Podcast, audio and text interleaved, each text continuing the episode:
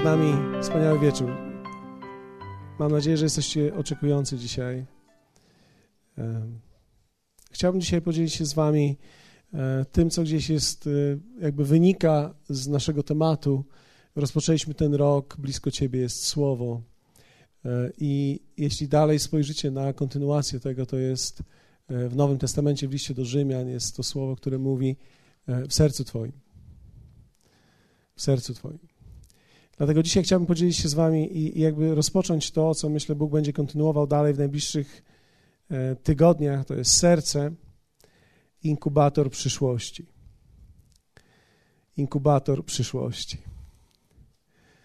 Jeśli spojrzycie na Wikipedię, co to znaczy inkubować, e, nawet w psychologii jest takie określenie, które mówi tworzyć swoją przyszłość poprzez wyobrażenie tego, co jest wewnątrz. Nie jest nic skomplikowanego, ale bardzo ważnego. Przypowieści 4:23. Rozpoczniemy od tego tekstu. Dzisiaj mamy dużo fragmentów.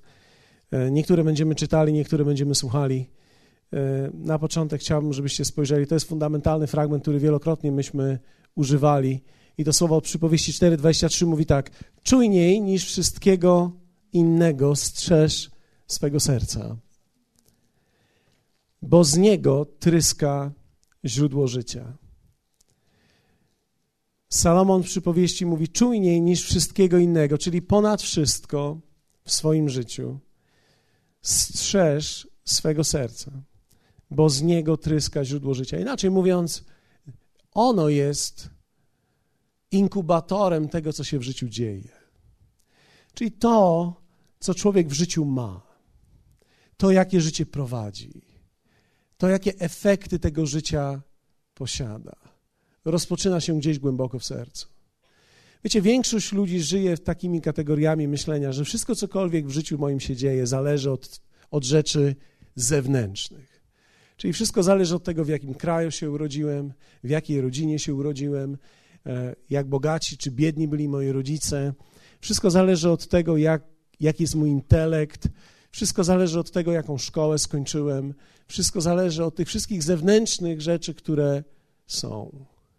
W konsekwencji później wszystko zależy od tego, jakiego miałam męża, albo wszystko zależy od tego, jaką miałem żonę, albo później jakie miałem dzieci i tak dalej, i tak dalej. I w zasadzie prawie wszystko w życiu ludzie określają te konsekwencje, które mają, jako efekt rzeczywistości zewnętrznej. Tymczasem Słowo Boże pokazuje bardzo wyraźnie, że serce jest źródłem życia, że wszystko, cokolwiek w życiu jest produkowane, rozpoczyna się w sercu. Wszystko. Wszystko, cokolwiek dzisiaj jest w Twoim życiu, rozpoczęło się długo wcześniej w Twoim sercu. I wiecie, czasami trudno jest w to uwierzyć, ale dlatego, że większość z nas albo może tak, większość ludzi była wychowywana w, i kształtowana w sposób taki, że nie bierzemy odpowiedzialności za nasze życie. Że odpowiedzialność za nasze życie przejmuje ktoś inny, czyli ktoś, kto jest winny tego wszystkiego, jeśli mówimy o negatywnych rzeczach. Czasami słyszeliśmy, czasami słyszeliśmy to, że sukces ma wielu ojców, a porażka jest sierotą. Tak, czyli kiedy mówimy o sukcesie, to wtedy wiadomo jest, że większość ludzi się do tego ustosunkuje, tak, to, to ja zrobiłem, ale w momencie, kiedy mówimy o sytuacjach trudnych, ciężkich, bądź też przegranych momentach naszego życia, trudno nazwać życie chrześcijańskie przegranym w jakimś momencie, ale powiedzmy, dana pierwsza połowa może być przegrana, tak? Albo powiedzmy jakiś fragment meczu może być przegrany, albo coś się nie udało, może straciliśmy gola, albo e, coś się stało, coś się wydarzyło, to wtedy często byliśmy kształtowani tak, że coś innego na zewnątrz było przyczyną tego. Tak nie jest. Większość rzeczy, które mamy w życiu, powstało gdzieś głęboko w naszym sercu. Nie wiem, czy przekonałem Was do tego. Prawdopodobnie to, to zabiera lata, żeby przekonać nas do tego. Ale konsekwencja przekonania konsekwencje przekonania, że ja jestem odpowiedzialny za moje życie, że moje życie jest owocem mojego serca, jest niesamowite. Dlatego, że w momencie, kiedy jestem i staję się odpowiedzialny za to, nagle, w tym momencie, kiedy staję się odpowiedzialny, nagle mogę coś z tym zrobić. Wiecie, jest jedna z najgorszych rzeczy, kiedy człowiek jest pasywny, kiedy nie może nic zrobić. A co innego jest, kiedy ty wiesz, że można coś zrobić z tym, co się dzieje w twoim życiu. I wiecie, to jest niesamowite, ale słowo mówi, że kiedy strzeżesz swojego serca, robisz bardzo dobrze, ponieważ z niego tryska źródło czego? Życia. E, dosyć długi fragment i w zasadzie tylko ostatni werset jest kluczowy tutaj, ale spójrzcie w Ewangelii Łukasza w drugim rozdziale, możemy go przeczytać na ekranach. Drugi rozdział, werset 6 do 19, to jest moment, w którym rodzi się Jezus i to jest moment, w którym pasterze usłyszeli o tym. Spójrzcie.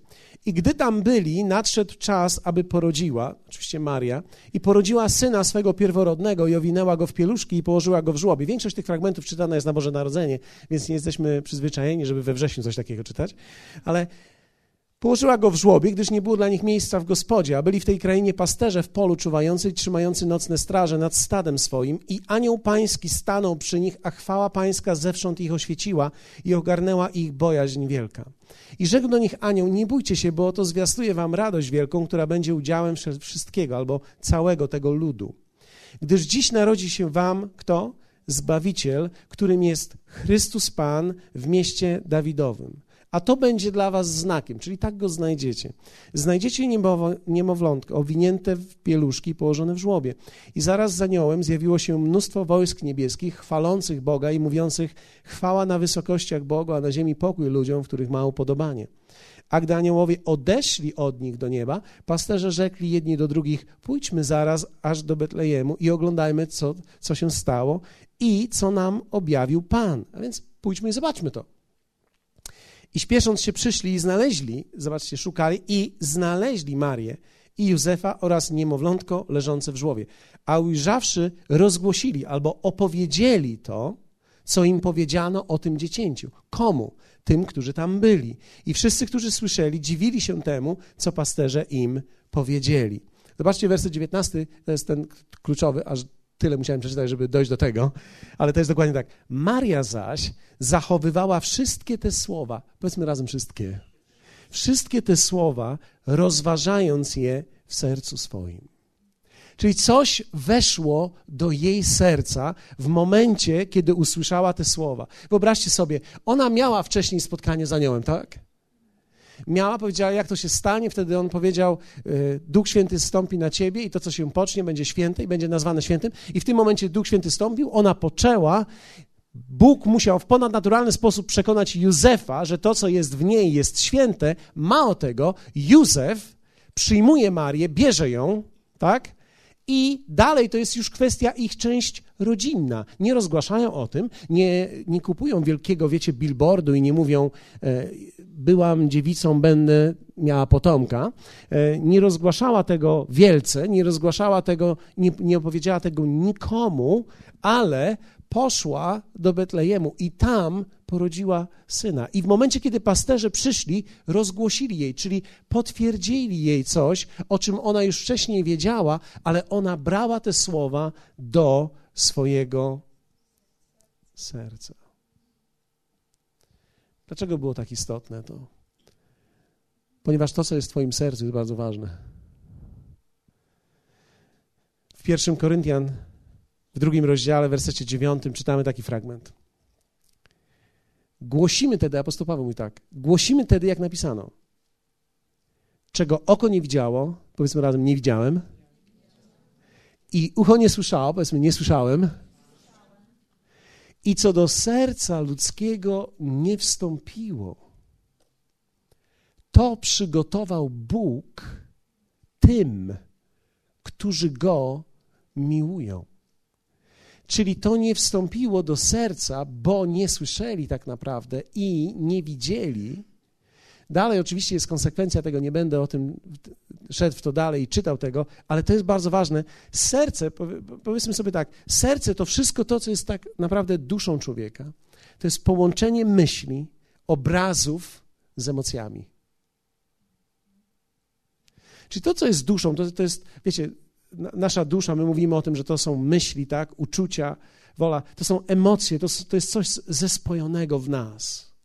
I to jest coś, co Biblia nazywa sercem. To jest gdzieś głębokie wnętrze człowieka. To jest miejsce rozważań. To jest miejsce, w którym są najskrytsze myśli, naj, najcichsze myśli, największe marzenia, być może nawet niewypowiedziane, jak również też największe lęki, czasami niewypowiedziane. Wiecie, te obrazy już od samego dzieciństwa kreują naszą przyszłość. My je mamy w środku. Każdy z nas ma wyobraźnię. Wyobraźnia jest połączona z emocjami. Jak wielu z Was wie, czy może policzyć, ile drzwi jest w Waszym domu? Nie jesteś w tej chwili w swoim domu, a jednak w wyobraźni swojej jesteś w stanie zobaczyć swój dom i liczyć drzwi. Jesteś w stanie wyobrazić sobie i widzieć drzwi. Jedne, drugie, trzecie, czwarte, albo jedne, drugie. Albo, albo jedne, tak, rzadko je, jedne, drugie, trzecie, czwarte. Więc możesz policzyć sobie drzwi, ponieważ żyjesz wyobraźnią i wyobraźnia ta tworzy, to, to, są pewne myśli, które są w tobie tworzone, ale również z tym połączone są emocje. Dlatego, że kiedy wyobrażamy sobie pewnych ludzi, cieszymy się. Gdy wyobrażamy sobie niektórych ludzi, smucimy się. Gdy wyobrażamy sobie innych ludzi, denerwujemy się. Tak? A więc zwróćcie uwagę, że obrazy łączą nas z emocjami. To oznacza, że każdy człowiek ma ten obszar duszy, który jest bardzo istotny, i Biblia mówi, że ten obszar duszy, Twoich wewnętrznych myśli, kreuje Twoją przyszłość. Twoja dusza, Twoje serce jest inkubatorem Twojej przyszłości. I wiecie, kiedy mówię przyszłość, to nie mówię za 20 lat, ale nawet jutra. To, co się będzie działo za tydzień, to jest to, co jest w Twojej duszy, w Twoim sercu. Wiecie, człowiek może dokonać wielkiej przemiany swojego świata, jeśli będzie w stanie zmienić ziarno, które inkubuje. Dlatego, że zwróćcie uwagę, człowiek medytuje nad jakąś myślą czasami cały dzień. Tak powstaje troska. Coś się dzieje w pracy, zaczynasz myśleć o tym. Zaczynasz myśleć o tym i nawet gdy nie chcesz myśleć o tym, myślisz o tym. Dlaczego? Bo ziarno posiane jest głęboko, połączone jest z Twoimi emocjami. Wiecie, człowiek myśli o tym, o czym nie chce myśleć, tylko dlatego, że bardzo mocno są jego emocje zaangażowane w tą myśl, a emocji nie da się tak szybko wyłączyć. Dlatego myślimy o rzeczach, o których nie chcemy myśleć z powodu emocji. Zwróćcie uwagę, kiedy ktoś latał albo lata i gdy lecisz i oglądałeś się najpierw e, filmu o wypadkach, lęk, który wszedł do ciebie, automatycznie zmusza cię do myślenia, że jak będziesz leciał, będziesz miał wypadek. Albo że się może wydarzyć wypadek. Dlaczego tak jest? Ponieważ emocje z tym związane przyszyły się do tej myśli, więc te emocje powstają i budzą w tobie tą myśl. Wiecie, tak naprawdę człowiek całe swoje życie kieruje i inkubuje w sercu według myśli głównej, która w nim powstaje, która jest związana z jego emocją. Jakie rzeczy ludzie normalnie noszą w sercu? Słowa, które usłyszeli o sobie. Czy wiecie, że człowiek może usłyszeć jakieś słowo, które wywoła bardzo silne emocje w jego życiu, gdy jest małym dzieckiem i nosi to przez całe swoje życie? Silne emocje powodują, że człowiek pamięta obraz. Dzisiaj miałem okazję rozmawiać z Kitem i z Pat Gilmore. Pozdrowienia od tych, dla tych, którzy pamiętają ich. Wiecie, kiedy my 18 lat temu po raz pierwszy pojechaliśmy do nich do domu, byliśmy tak oczarowani nimi i tym domem, tą atmosferą, że do dzisiaj pamiętam, jak wyglądała filiżanka kawy, którą mi podali z ciasteczkiem. Jak to jest możliwe, że człowiek pamięta coś w szczegółach sprzed 18 lat? Będziesz pamiętał wszystko to, z czym były powiązane Twoje emocje. Twoje emocje sprawiają, że ten obraz, który widzisz, zapamiętujesz. I te emocje powstają za każdym razem, kiedy sobie wyobrażasz. Dlatego człowiek na wspomnienie jakiejś rzeczy może się wzruszyć. Ty nie przeżywasz tej rzeczy w danym momencie, ale jesteś w stanie przeżywać ją tak, jakby po raz kolejny, ponieważ emocje powiązane z obrazem sprawiają, że się wzruszasz. Wiecie, człowiek. Ja, ja pamiętam E, pamiętam, kiedy moja nauczycielka w szkole średniej powiedziała do mnie: Oj, Godawa, z ciebie nigdy nie będzie matematyk. I pamiętam, jak te słowa wywołały we mnie nieprawdopodobne emocje, które tak naprawdę skierowały mnie na studia matematyczne. Także później przez kilka lat udowadniałem nie jej, ale sobie, że jednak jestem w stanie coś z tym zrobić.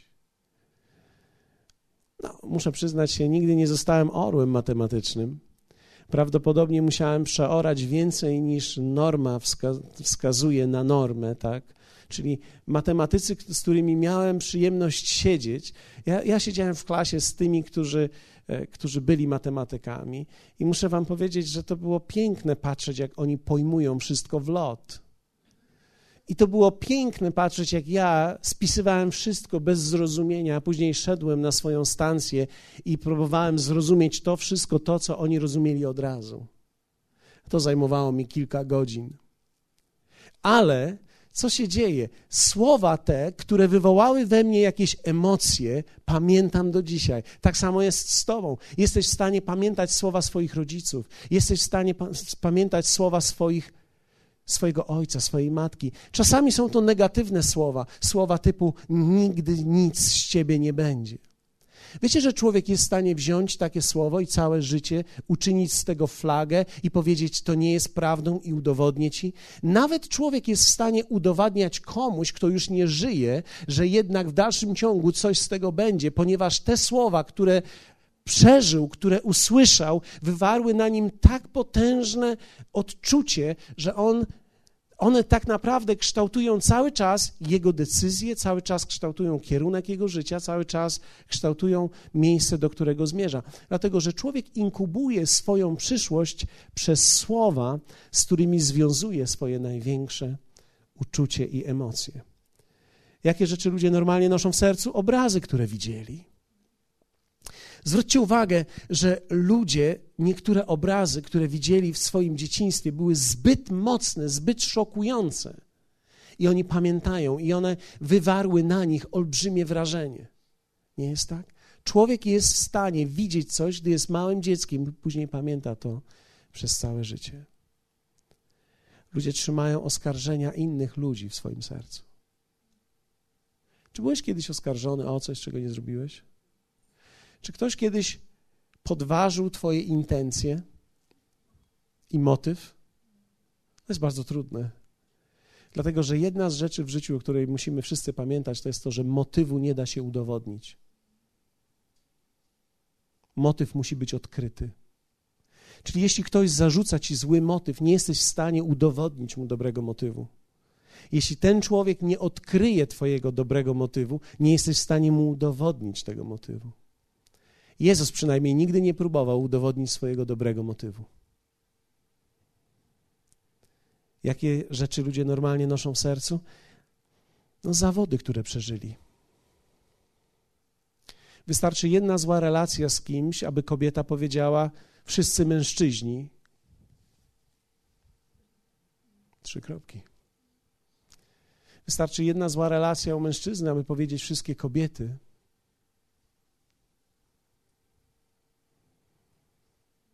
Co oczywiście nie jest prawdą, ale jego doświadczenie kształtuje jego myśl.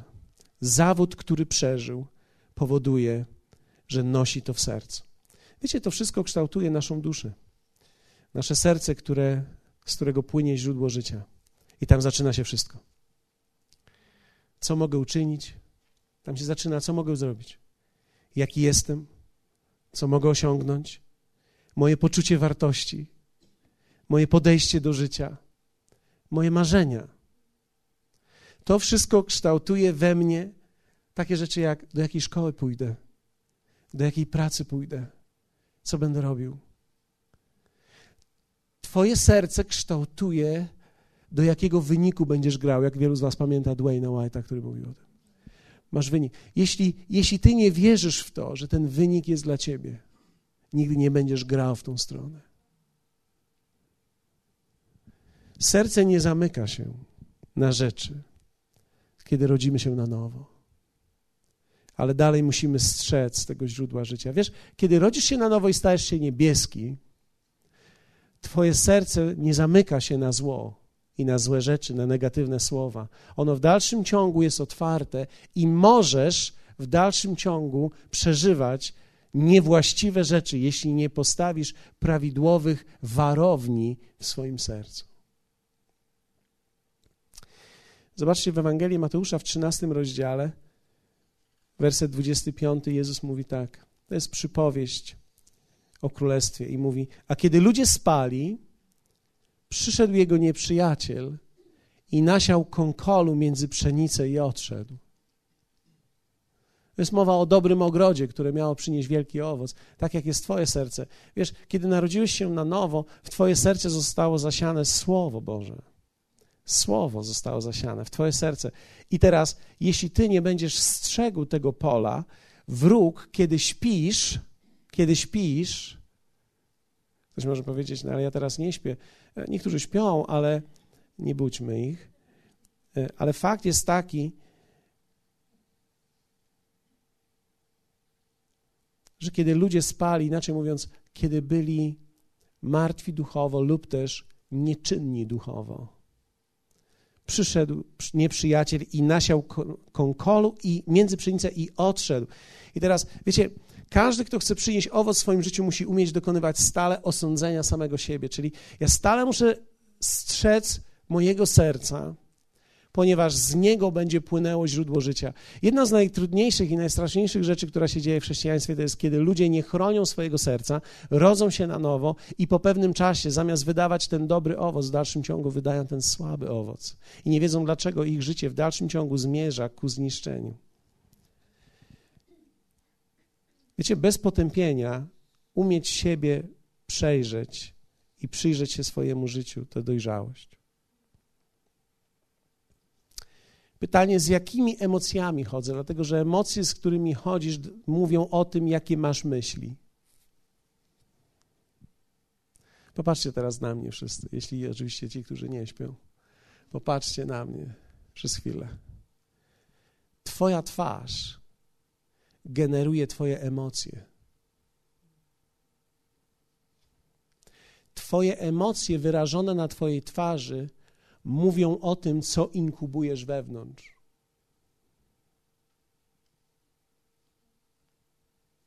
Jesteście ze mną? Moje emocje pokazują rodzaj ziarna, który inkubuje.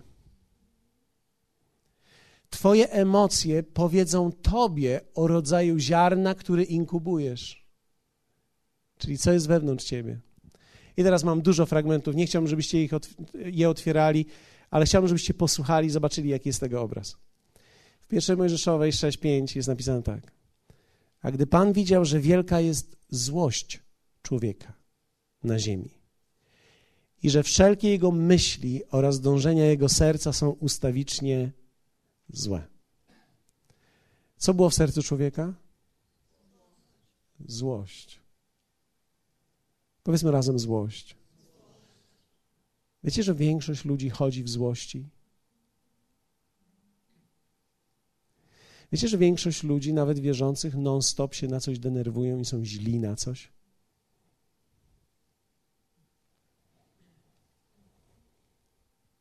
Ja nie mówię, że ty.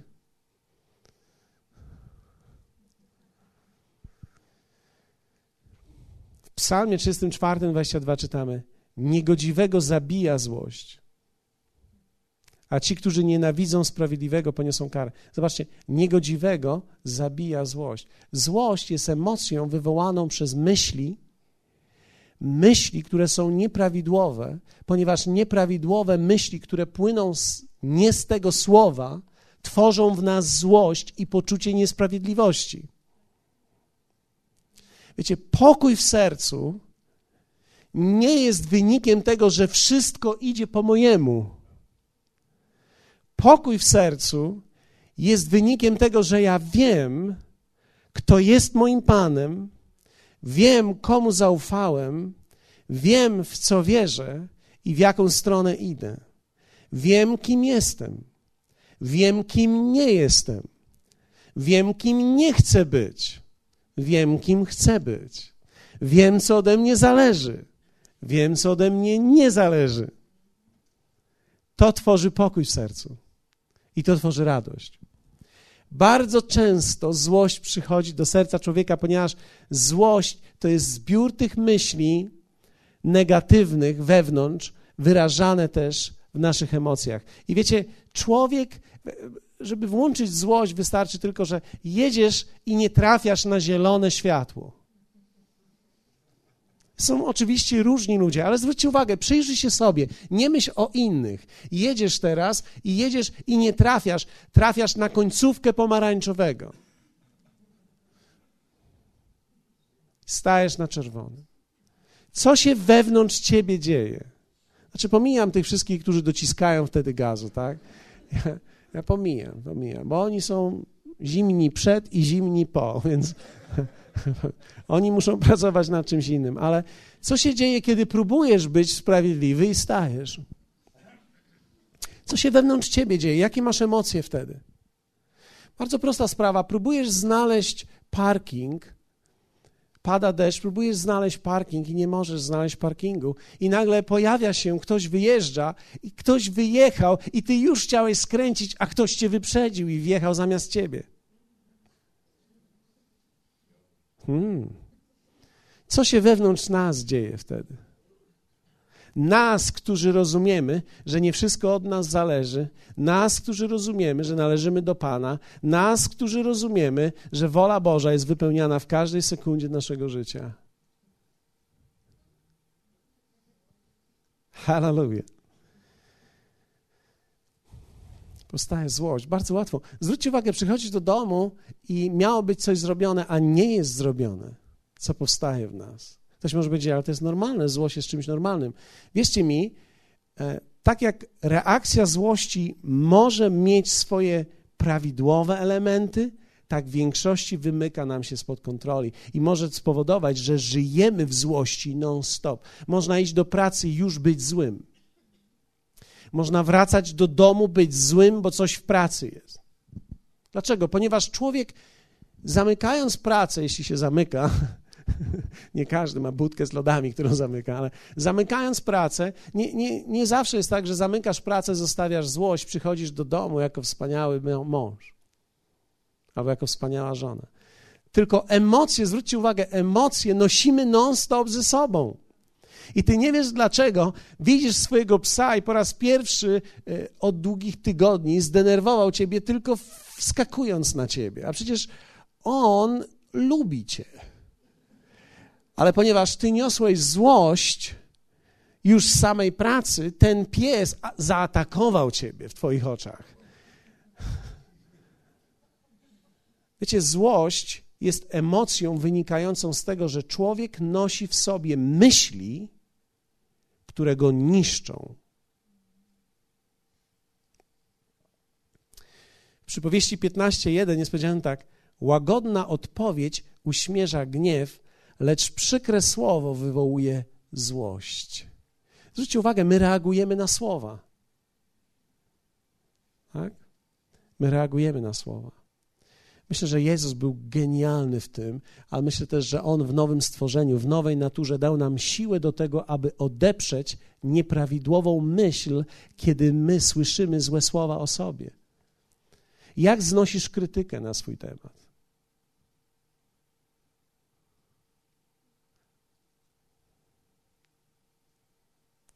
Czy znosisz ją w ten sposób, że mówisz, wow, okej, okay, w porządku. Być może ten człowiek nie zrozumiał. Czy też ja mu pokażę. W przypowieści 15:28 serce sprawiedliwego rozważa, co odpowiedzieć, lecz z ust bezbożnych tryska złość. Dlatego też apostoł Paweł mówi, że jednym z owoców tego wszystkiego, co się w naszych domach dzieje, co się w naszym rodzinie dzieje, wiecie, to jest, to jest piękno życia. To jest to, że złość może być usunięta i może wejść łagodność. Kiedy ja na konflikt mogę odpowiedzieć łagodnością, kiedy, kiedy coś się dzieje, ja mogę łagodnie odpowiedzieć. Kiedy masz milion rzeczy i milion pierwsza przychodzi. Wiecie, żeby się coś przelało, wystarczy jedna kropla? Przeszedłeś milion i milion pierwsza tego dnia przyszła. A ty w dalszym ciągu masz zapas. Mówisz, ok, w porządku. I masz odpowiedź łagodną. Łagodna konwersacja. Łagodna konwersacja ze sobą, łagodna konwersacja z Bogiem, łagodna konwersacja z sobą samym, łagodna konwersacja z ludźmi, łagodna konwersacja z ludźmi, którzy nie robią tego, co byś chciał, żeby robili. Wiecie, żeby rzeczy były zrobione, nie trzeba krzyczeć. Wystarczy być stanowczym. Stanowczość nie musi być hukiem. Stanowczość może być stanowczością wyrażoną w spokojny sposób. Jest jedna rzecz, która jest piękna w Bogu. Bóg nigdy nie krzyczy, ponieważ nigdy nie stracił autorytetu. Wow! Przypowieści 26, 26. Choć nienawiść ubiera się w szatę pozornej życzliwości, to jednak jej złość wyjdzie na jaw w zgromadzeniu. Inaczej mówiąc, człowiek wytrzyma, jeśli nie jest wewnątrz uzdrowiony, to wytrzymuje tylko do pewnego momentu. Dlatego, że trzeba być uzdrowionym wewnętrznie, żeby cię rzeczy nie brały. Ktoś może powiedzieć, no ale jak mnie już nic nie będzie brało, to niedobrze. Wiesz, wtedy będziesz miał siłę na prawidłową walkę. Wtedy będziesz miał siłę na walczenie z rzeczami, o które warto, wa, warto walczyć. Dlatego, że to, co próbuje czasami diabeł zrobić, to zaangażować ciebie poprzez wrzucenie ci nieprawidłowych myśli do walki przez cały dzień o czymś, w jakiejś sprawie, która nie ma sensu. I kiedy przychodzi walka o coś, co potrzebujesz zawalczyć, nie masz już siły. W Jeremiasza w 4 czytamy 18-21 Twoje postępowanie i Twoje uczynki zgotowały Ci to. Twoja złość to sprawia, że jest gorzko i że to godzi w Twoje serce. O, jak mi smutno, jak mi smutno. Wije się z bólu. O ściany serca mego. Moje serce jest zaniepokojone. Nie mogę milczeć, bo głos trąby bo głos trąby słyszysz, moja duszo, zgiełk wojenny. W mojej duszy, w moim sercu jest wojna, non-stop wojna, jest gorzko, jest ciężko. Klęska następuje po klęsce, cały kraj jest spustoszony, znienacka został zniszczone, zostały zniszczone moje namioty, w mgnieniu oka moje zasłony. Jak długo mam patrzeć na chorągiew, słyszeć głos trąby? Jeremiasz opisuje stan swojego serca opisuje to, co widzi i opisuje to, co jest wewnątrz jego, to jak on widzi to w środku. I zobaczcie, on mówi o smutku, który w nim jest, o sercu, które się kołysze w środku, o tym, że jest ciężko, że jest trudno, oj ciężko i trudno, oj ciężko i trudno. Wiecie skąd się to bierze? Z serca. Z rozważań serca się bierze. Ciężkie życie nie jest z okoliczności. Ciężkie życie jest z rozważań serca. Jeszcze raz powtórzę. Ciężkie życie nie jest z okoliczności. Ciężkie życie jest z rozważań serca. Z rozważań serca.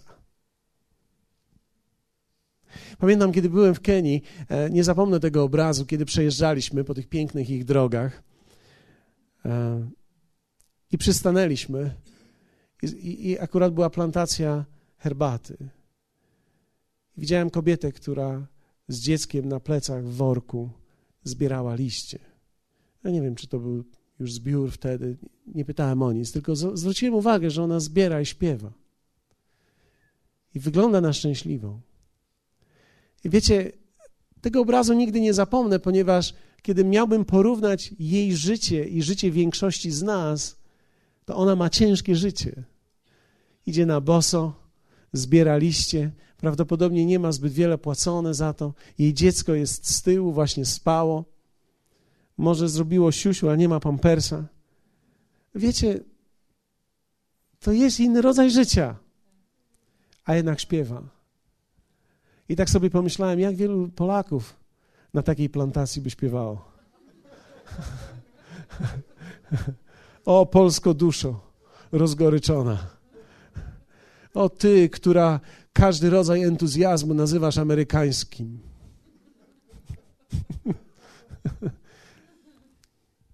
Dlaczego? Dlatego, że my byliśmy z dziada pradziada uczeni goryczy. W nas się wlewa gorycz, w naszych domach ciągle mówimy o rzeczach negatywnych, ciągle mówimy o tym, co jest źle, jak to wygląda i jak jeszcze gorzej będzie. A później siadamy przy naszej kawie i sączymy te smutki, smutki, smutki. Idziesz nawet i pijesz smutki. Bierzesz kufel piwa, zapijasz smutki, smutki. Może drinka, drinka niby zabawa. Smutki, trzeba zalać smutki. Wiecie, smutek, smutku się nie da zalać, bo on jest głębiej wewnątrz. I dlatego tak jest, że kiedy im, im człowiek bardziej pije, tym bardziej to czuje. Zwróciliście uwagę, że kiedy ludzie troszkę sobie podpiją, e, jeszcze częściej płaczą? Ja byłem na takich imprezach rodzinnych, nie powiem w której rodzinie, ja byłem na takich imprezach rodzinnych, że kiedy sobie troszkę popili, to tak sobie nawmawiali, a później wszyscy płakali, się przepraszali, szlochali i jeszcze raz przepraszali się i, i płakali. Wiecie, emocje zeni, zenit, zenit, max. Piotr pisze tak w 1 Piotra 2, 1, 3. Macie jeszcze 5 minut? odrzuciwszy wie, więc wszelką złość. Ok? Piotr pisze, nie, nie, nic wielkiego. To chrześcijaństwo to nic wielkiego, nic skomplikowanego nie jest. Odrzuciwszy więc wszelką złość. Odrzuciwszy. To znaczy, że ja muszę dać jej odpór.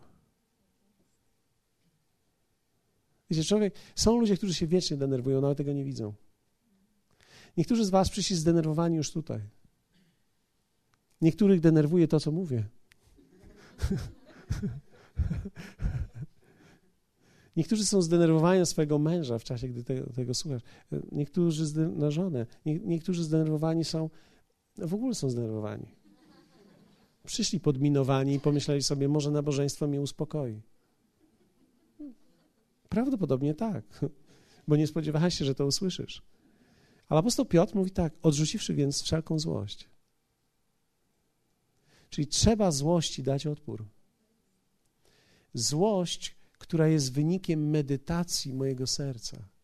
Ja muszę stawić opór nieprawidłowej medytacji mojego serca. Ja w moim sercu muszę pokonać myśli o porażce, o przegranej, o tym, że coś nie wyjdzie. Dlaczego? Ponieważ jeśli ja będę pielęgnował te myśli, ja będę zmierzał w tą stronę.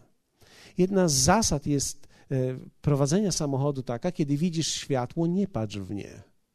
Ponieważ kiedy jedzie naprzeciwka światło i ty patrzysz w nie, instynktownie kierujesz się na to światło. Dlaczego? Ponieważ człowiek zawsze kieruje się w stronę widzianego obiektu.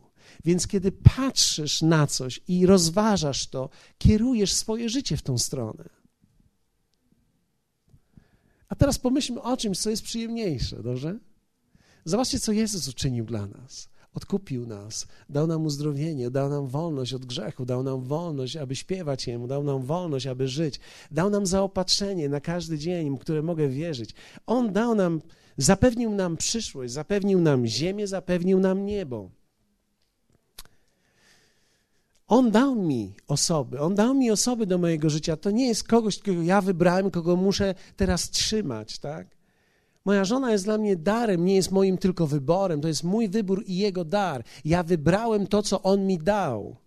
Więc skoro nie ja ją tylko upolowałem, to znaczy, że nie ja ją będę musiał non-stop trzymać. Jesteście ze mną? To znaczy, że ja nie muszę się martwić, co się z nią będzie działo, jak będzie rozmawiała z jakimś mężczyzną, ciekawe o czym rozmawia, bo to nie jest ciekawe.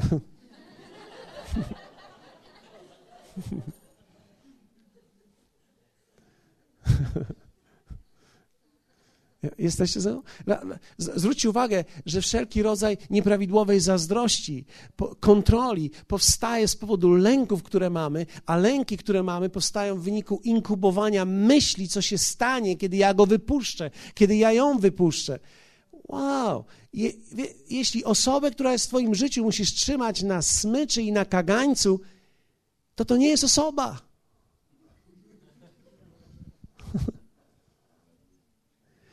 I jeśli, jeśli tą linę, którą musisz założyć i ten kaganiec, który musi ciągle być uwiązany, nazywasz miłością, to się rozczarujesz. Ponieważ prawdziwa miłość nie jest czymś, o co człowiek błaga, to jest coś, co jest darem. Dlatego kobieta nie może przyjść do mężczyzny i powiedzieć: No co, już mnie nie kochasz? No, jeśli cię nie kocha, to on ci pokazuje, że cię nie kocha. Nie musisz go pytać i błagać, żeby cię kochał, bo jeśli ciebie nie kocha, to cię nie pokocha. A szczególnie wtedy, kiedy go będziesz błagać, żeby cię pokochał. Dlatego, że miłość, miłość jest darem. o, oh, hallelujah.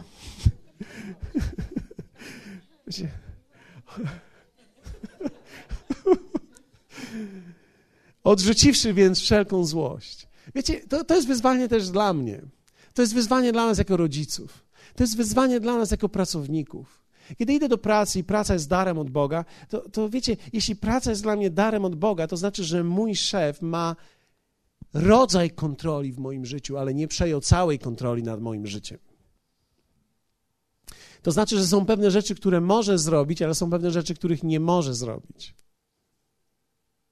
Hallelujah. Więc ja nie muszę się martwić, nie muszę się lękać, nie muszę żyć w ciągłej trosce, ale mogę być wolny. Jedno z najpiękniejszych odczuć w życiu to jest być wolnym. I to jest to, do czego Bóg powołał ciebie. I teraz ta wolność nie przyjdzie z tego, że w końcu zarobisz, że w końcu ci się uda, że w końcu się wprowadzisz. Ta wolność przychodzi z tego, kim ty jesteś wewnątrz, z medytacji, inkubacji twoich własnych myśli. To, co jest w twoim sercu, urodzi się. Szczęście zradza się tutaj.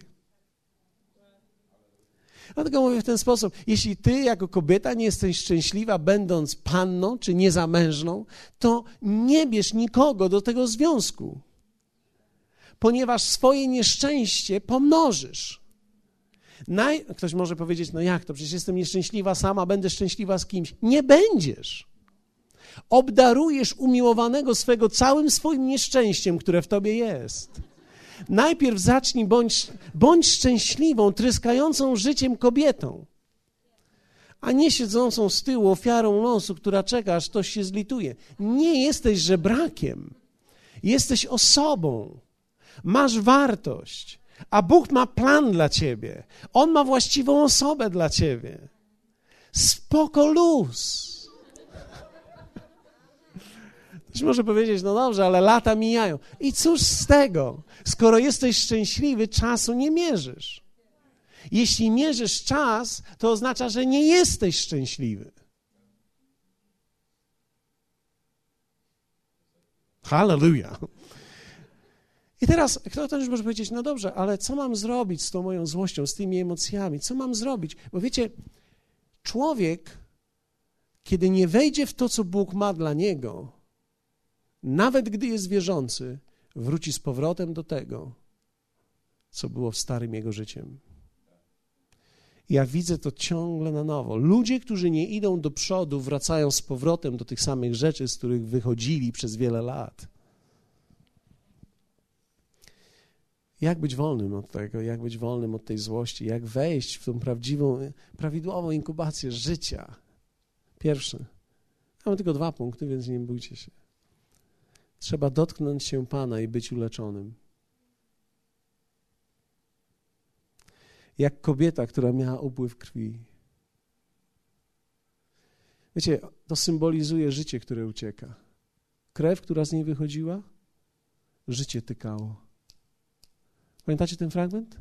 Kobieta, która przeciskała się przez tłum, żeby dotknąć się Jezusa, krańca Jego szaty. Życie z niej uchodziło. Wiecie, kiedy człowiek jest w złości i inkubuje niewłaściwe rzeczy, musi umieć przedrzeć się przez tłum i dotknąć Pana. Jak to zrobić? na uwielbieniu, na modlitwie, w atmosferze, gdzie On jest obecny. Trzeba umieć przejść przez tłum. Niektórzy ludzie nie wiedzą nawet, jak mają uwielbiać na takich spotkaniach jak to. Dlaczego? Bo się wstydzą. Więc nie mogą przez cały czas, nikt na nich nie patrzy, oni non-stop myślą, że ktoś na nich patrzy. I widzisz, tak długo jak ciągle będziesz skoncentrowany na sobie i w końcu nie uwolnisz się, aby wielbić Go, aby spotkać się z tym, który jest obecny w tym momencie, nigdy nie zostaniesz uzdrowiony. Uzdrowienie z przeszłości przychodzi przez dotknięcie Boże. Nie można uzdrowić starych emocji bez Bożego dotknięcia. Można je rozważyć, można je przeanalizować, ale nie można ich uzdrowić. Tylko Bóg ma zdolność wejścia do Twojej przeszłości, dotknięcia tego momentu i uzdrowienia. Wiecie, moje życie jest otwartą księgą dla wielu ludzi, więc większość wie o tym, że kiedy miałem 7 lat, mój ojciec odszedł od mojej mamy i ode mnie. I fakt jest taki, że ja nigdy nie wiedziałem, co to znaczy mieć ojca. Nigdy. To znaczy, gdzieś mentalnie wiedziałem, że on jest, ale, ale nigdy nie był obecny. I fakt jest taki, w życiu nie da się rzeczy zaspokoić. Matka nigdy nie stanie się matką i ojcem. Więc mówię od razu do mam, nie możesz być dwoma osobami dla swojego dziecka, nigdy nie będziesz. Bóg natomiast może przyjść do niego i go dotknąć i uzdrowić. I był taki moment w moim życiu, kiedy w tej pustce, odrzuceniu i rozgoryczeniu, gdy chodziłem, wiecie, ja jestem wdzięczny Bogu, że, że był ktoś, kto zauważył to. Ale pamiętam księdza. E, dlaczego? Bo tego typu rzeczy jak odrzucenie i zniszczenie wewnętrzne zawsze mają taki sam objaw. Reagujesz złością i odrzuceniem. Odrzucasz innych, masz złość na wszystko, próbujesz zawalczyć o wszystko.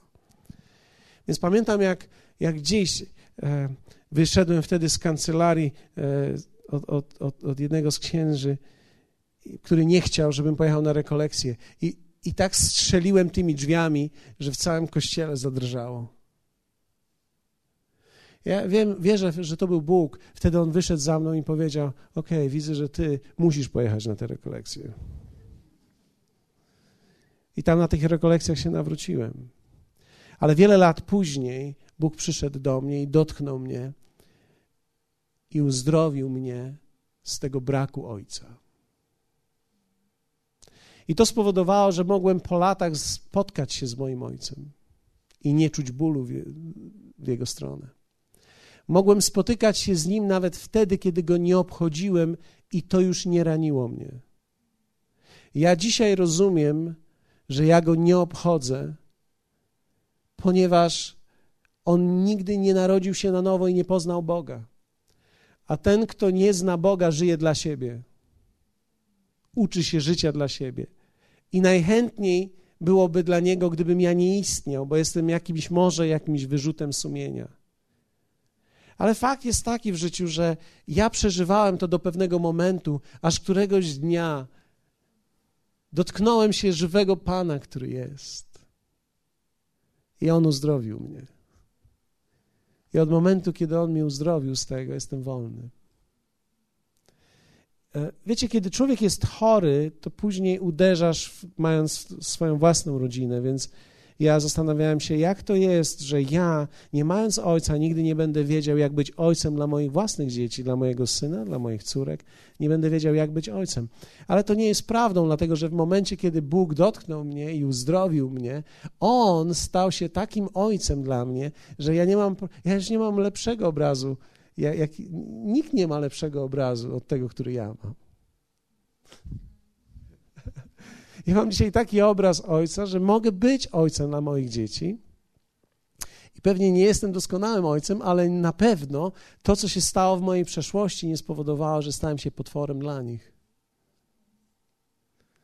Nie ma innej możliwości, żeby złość uleczyć, w której byłem, która we mnie się zrodziła, jak tylko trzeba dotknąć Pana, aby być uleczonym.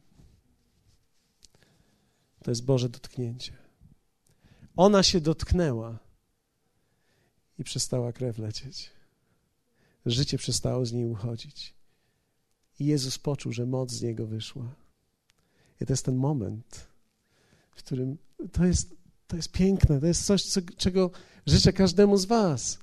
Ponieważ, wiecie, my chodzimy w różnych emocjach, ale można być uzdrowionym z tych emocji. Można. Można być wolnym. I drugie. Pierwsze, by dotknąć Pana, drugie. Trzeba posiać i pielęgnować nowo posiane ziarno. Trzeba posiać nowe ziarno. Wiecie, ja czytam tą Biblię od dwudziestu kilku lat już teraz, ale za każdym razem, kiedy otwieram i na nowo czytam Mateusza, Marka, Łukasza, Jana, kiedy na nowo czytam, czuję, jak to wchodzi we mnie. Jak jestem z wami, jak rozmawiam o tym, co Bóg robi. Zobaczcie, Maria poszła do Elżbiety, pamiętacie to? Maria, jak dostała słowo, poszła do Elżbiety. Trzeba nauczyć się rozważać Boże myśli. Trzeba umieć prowadzić swój umysł, bo inaczej on poprowadzi ciebie. Pozwól, aby ziarno słowa padło na otwarte serce, uzdrowione z zawodów, przyjmujące słowo z radością. Wiecie, ja nawet na twarzy niektórych z Was widzę, czy słowo, które głoszę, pada na otwarte pole. Dlaczego? Ponieważ zawody z przeszłości, nieuzdrowiona przeszłość powoduje, że jesteśmy zamknięci. I nie możemy przyjmować słowa z radością, tylko patrzymy na mnie, chcielibyśmy, ale jesteśmy na tyle sceptyczni z powodu zawodów, które mieliśmy, że boimy się z wiarą pochwycić to i uczynić to naszym. I czasami niektórzy muszą siedzieć w kościele lata, żeby być z czegoś uzdrowionym. Twoja przyszłość jest stworzona w Twoim sercu. Jakie myśli bym Ci proponował, abyś rozważał? Blisko Ciebie jest słowo, tak? Jakie myśli? Pomyśl, że zostałeś przyjęty przez Boga. Weź sobie taki tydzień, zacznij rozważać.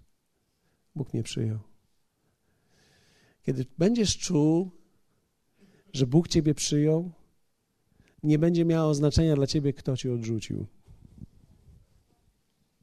Nie ma większej osoby na ziemi w świecie jak Bóg. Kiedy On Ciebie przyjmuje, nie ma znaczenia, kto Ciebie odrzucił. Jeśli do, zostałeś przyjęty na najlepszą uczelnię, nie ma znaczenia, jakie podrzędne nie wzięły Ciebie pod uwagę. Jeśli, po, pomyślcie o tym. Pomyślcie, Twoje życie jest w Jego ręku zabezpieczone sukcesem. Jest podbite wielka, wielka pieczęć sukces. I to jest Twoje życie. Pomyśl, dlaczego? Ponieważ cały list dłużny według Kolosan został przybity do krzyża. I teraz wszystkie obietnice, które są w Chrystusie dla ciebie, poprzez Niego, Jego ofiarę, uzyskały tak na tobie. Więc teraz Bóg nie powstrzyma przed tobą niczego dobrego. On ci to wszystko chce dać. Uzdrowienie, zwycięstwo, finanse, nawet finanse, nawet dom, nawet samochód. Rzeczy, o których nawet nie śmiałeś marzyć, czego oko nie widziało, ani ucho nie słyszało i co do serca ludzkiego nie wstąpiło. Dalej jest powiedziane, te rzeczy nam Bóg objawił.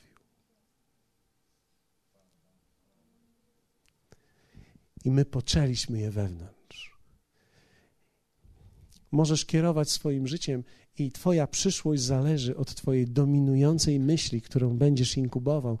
Dlatego musisz zatroszczyć się, aby być uzdrowionym z tego, co było i posiać nowe i pielęgnować je. Dotknąć się Pana i przyjąć uzdrowienie i posiać nowe i pielęgnować je. Wiecie, nie ma takiego człowieka, który by nie potrzebował uzdrowienia. Ale nie ma też takiego człowieka, którego Bóg nie mógłby uzdrowić z tego. Wszyscy, którzy tutaj jesteście, możecie być uzdrowieni dzisiaj. I o to będę się modlił.